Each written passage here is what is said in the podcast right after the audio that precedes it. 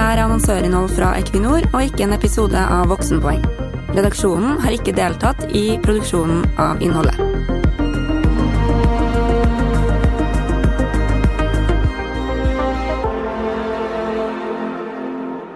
Hvis noen hadde sagt til meg for fem år siden at Storbritannia kommer til å bli et foregangsland i det grønne skiftet, da hadde jeg kanskje ikke helt trodd det. For hva slags bilder har vi av England? Jo, du tenker kanskje på den industrielle revolusjonen, smogen i London og kullindustrien som har satt sitt preg. Men er det sånn fortsatt? I denne episoden skal du få høre hvordan britene er i ferd med å kvitte seg med kull, satse tungt på fornybar energi og nå er klar for å sette i gang det grønne skiftet i en av de vanskeligste sektorene, den tunge industrien. Velkommen til Equinor sin podkastserie, Henrik Andersen. Du jobber med hydrogen- og lavkarbonløsninger i Equinor, og du har et spesielt forhold til Storbritannia. Og du kan fortelle at det tradisjonelle bildet vi har av britisk industri, det stemmer kanskje ikke helt lenger. Nei, det er sant. Altså, England er jo kan man si, historisk det land hvor industrirevolusjonen begynte. Og det er vel det man forbinder med, med England. og Masse kullproduksjon, gruvedrift, stor industri, mye smokk. Men det er jo historie. Eh, og England har gått gjennom en fantastisk transformasjon de siste årene. Og kanskje overrasket verden med å seg selv litt på det området. Britene har på noen ganske få år klart å fase ut nesten alt av kull fra sin energibruk. I 2017 hadde landet de laveste utslippene av CO2 siden 1896, altså da dronning Victoria fortsatt regjerte. Men hva er det som har kommet til i stedet for kull?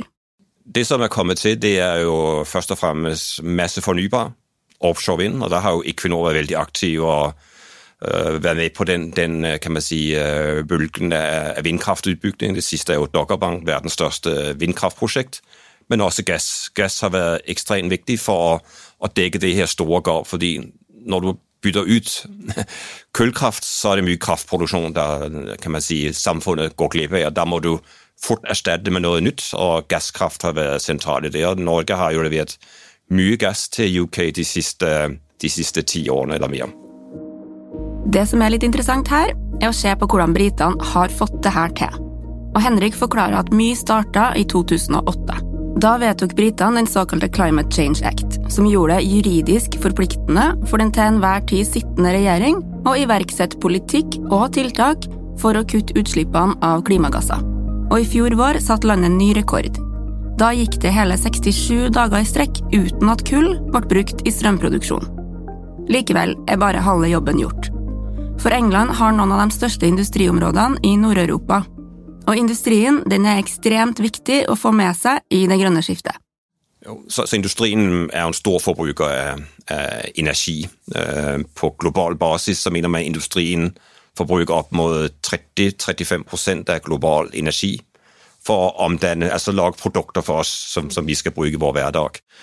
Så det er jo viktig, og de har store utslipp. Cirka en tredjedel av global utslipp er fra industrien. Så løser vi ikke CO2-utfordringen i industrien, så vi, når vi ikke våre klimamål. Så det er jo ekstremt viktig.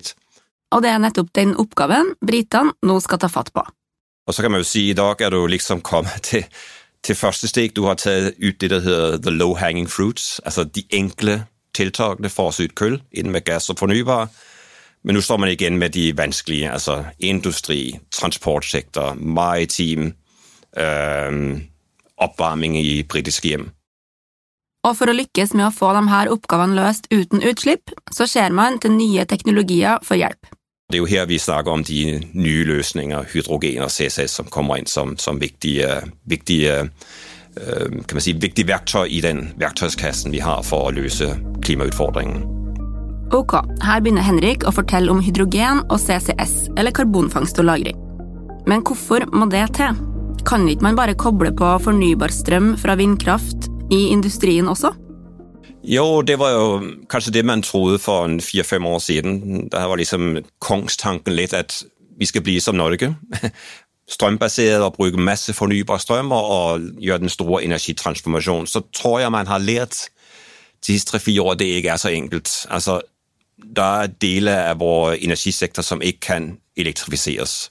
Det er ikke lett å elektrifisere stålverk og raffinaderi og slike ting. Det er liksom bygget opp på bruken av naturgass og olje, og du må finne et tilsvarende produkt, det vi kaller et molekyle, ikke en elektron, til å gjøre den jobben.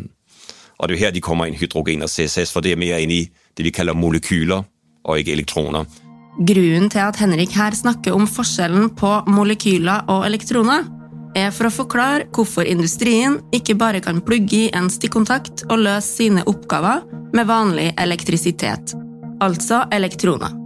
Mange av oppgavene i industrien krever en så høy temperatur over tid at man må ha en energiform som du kan lagre mye av på ett sted, og som når du nyttiggjør deg av den, gir en ekstrem høy intensitet. Hydrogen, som er et molekyl, har de her egenskapene.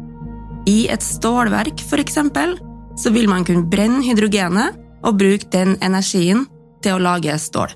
Så det ene er grunnene, og så har jo strøm den utfordringen når det er fornybar. Den, den produseres bare når vinden blåser og solen skinner. Og det vil si at du må kunne lagre store mengder strøm over lange perioder, og den, den kode har man ikke knekket enda. Og denne utfordringa har man ikke med hydrogen. Eh, går det an å forklare enkelt hvordan man nyttiggjør seg av det som energi? Kanskje lettest å dra en parallell til naturgass, som vi alle sammen kjenner. Eh, Norge eksporterer store mengder, blir brukt i hele Europa til, fra industri til kraft til oppvarming hjemme. Hydrogen gjør det samme, med det uten karbon. Bruken av hydrogen og måten vi transporterer på, den måten vi lager på, er fullstendig identisk. Og det er jo det som gjør det unikt med hydrogen. Du kan erstatte naturgass med hydrogen og ha et, et nullutslippsprodukt.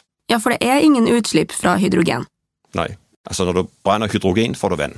Så i selve bruken så er hydrogen ideelt. Det frigir store mengder energi, det kan lagres, og det er utslippsfritt. Men det er likevel noen utfordringer.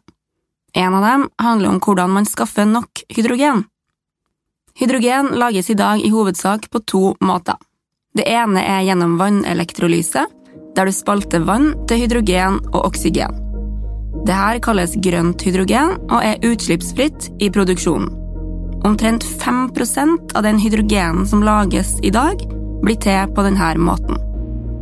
Resten, altså nesten all hydrogen som lages i verden, lages ved bruk av fossile energiressurser. Det kalles blått hydrogen og skjer gjennom såkalt reformering. Og ved reformering av blått hydrogen fra naturgass, ja, da sitter du igjen med et restprodukt, og det er CO2. Og den må jo da fanges for at utslippene ikke skal øke. Så kunne ikke man heller bare produsert masse fornybar strøm og laga hydrogen på den måten? Utfordringen er, er at du må bygge opp en masse fornybar energi. Uh, I dag er det jo slik at fornybar i dag blir introdusert for å erstatte fossil strømproduksjon. Og skal du også i tillegg produsere grønn hydrogen, må du legge opp på toppen av det. Vil si du må øh, implementere enda mer fornybar enda raskere for å få det til. Det problemet har man derimot ikke når det gjelder produksjon av hydrogen fra naturgass. Og det gjøres allerede i dag i stor skala i den prosessen som kalles reformering, altså omdanning. Men for at det skal kunne bli enda større og ikke føre til økning i klimautslippene, så er det viktig at karbonfangstteknologien skaleres like raskt opp. Reformering av naturgass gjør vi i dag i stor skala. De største anleggene de er på det vi kaller to gigawatt i kapasitet. altså Det er veldig store mengder, så du kan nå i mål raskt med den løsningen. Men det får du jo bare til hvis du også kan skalere CO2-lagring opp i parallell like raskt. Og Derfor går de i hånd i hånd. Og det er nettopp den kombinasjonen av hydrogenproduksjon fra naturgass sammen med løsninger for karbonfangst og -lagring som kan være nøkkelen til å raskt få ned utslippene i britisk industri. Og et sted Equinor og de britiske samarbeidspartnerne er i gang med det her, det er i Humber, et svært industriområde på østkysten, en togtur et par timer nord for London. Ingen andre industriklynger i England slipper ut mer CO2 i Humber er de årlige utslippene på over 12 millioner tonn CO2. Det tilsvarer mer enn en femtedel av de samla norske utslippene hvert eneste år, bare fra dette området. Så ingen har snakket om det som heter public-private partnership. Det var hvor industrien og det offentlige går sammen om en felles visjon og et felles mål, og jobber sammen øh, om å løse det. Og det er sånn vi har gjort i, i Humber, som er UKs største industrikluster. Vi har samlet de sentrale industriaktører og jobbet sammen om en felles plan. Hvordan vi skal sammen redusere utslippene og møte øh, klimamålene for den industriklynge i Humber. Og det at vi snakker om såkalte industriklynger, det er viktig akkurat her. For en industriklynge den gir nettopp den muligheten til å bygge stort og gjøre de store investeringene som skal til for å få teknologier som hydrogen og karbonfangst og -lagring opp og stå. Det som klyngene skaper, det er de skaper en skala. Øh, for de løsninger som hydrogen og CCS, de krever stor skala. Og det her er det litt forskjellig fra fornybar, for du kan liksom bygge en solcelle her og en, og vindturbine her. Det var sånn det begynte i sin tid, og så skalerer det opp sånn veldig stegvis. I CCS og hydrogen må du starte, starte stort. Og det vil si, du må inn et sted hvor du er, kan man si, har en plattform for et, et stort marked, så å si, om det er CCS eller hydrogen. Og industriklynger er liksom en, en konsentrasjon av store energiforbrukere, og dermed et stort marked for hydrogen og CCS.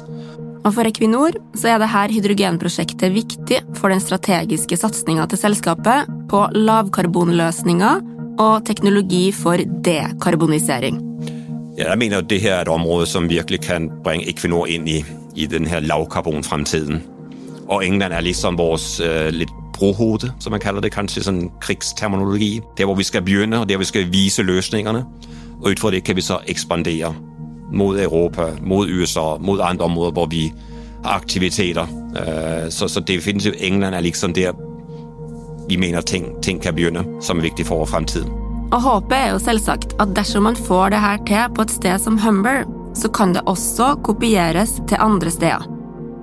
I Europa har man akkurat gjort en analyse av Verdens uh, energiforum. Jeg mener Det er ca. 3000 industriklynger i Europa i seg selv. Og så kan vi jo skalere opp og tenke hva det er på verdensbasis. Kanskje 10 000-15 000. Og det vi gjør i Humber, er at det kan kopieres og anvendes andre steder. Så, så, det er jo det som er det unikt. Men hva så med Norge? Er det noe konkret fra de her klyngene som vi kan ta med oss av lærdom, framgangsmåte eller teknologi? Kan det som gjøres i Storbritannia, overføres til norsk sammenheng? Det mener jeg definitivt. Uh, definitivt Norge kan, kan, gjøre det samme. Vi gjør egentlig allerede det i dag. Fordi i Langskip-prosjektet så skal jo sementfabrikken i Brevik, som er en del av industriklyngen i Grenland, jo faktisk starte å dekarbonisere. Uh, så, så egentlig er vi litt på vei i Norge. Uh, kanskje det mangler den store planen for, for klyngen som vi kanskje har i Humber, men, men man tar de, litt de samme stegene. Og man er ikke i mål før alle lykkes? Nei, det er jo altså 2050-målet for de fleste land, det er jo nullutslipp. Så, så, ingen kan jo gjemme seg mer. Alle, alle må ha en plan. Alle må ha en plan. Alle må bidra, og sammen kan man gjøre mer enn man kan alene. Og det er jo noe som vi kanskje kan lære av og la oss inspirere av også i Norge i årene som kommer. I fem podkastepisoder fra Equinor i vår har vi snakka om alt fra hydrogen og karbonfangst og -lagring til fornybar energi og hvordan norsk olje- og gassnæring kan komme til å se ut i framtida. Men hvis målet er netto null utslipp i 2050, hva skal egentlig til for at verden kommer seg dit? Her er det fortsatt mange spørsmål som er ubesvart, og Equinor mener langt ifra at de har løsninga alene. Tvert imot er det noen ting som vi må få til sammen. Hvordan er noe vi skal snakke mer om når vi kommer tilbake med mer podkast. Takk for at du hørte på, og på gjenhør. Du har hørt annonsørinnhold for Equinor, produsert av Try. E24s redaksjon har ingen rolle i produksjonen.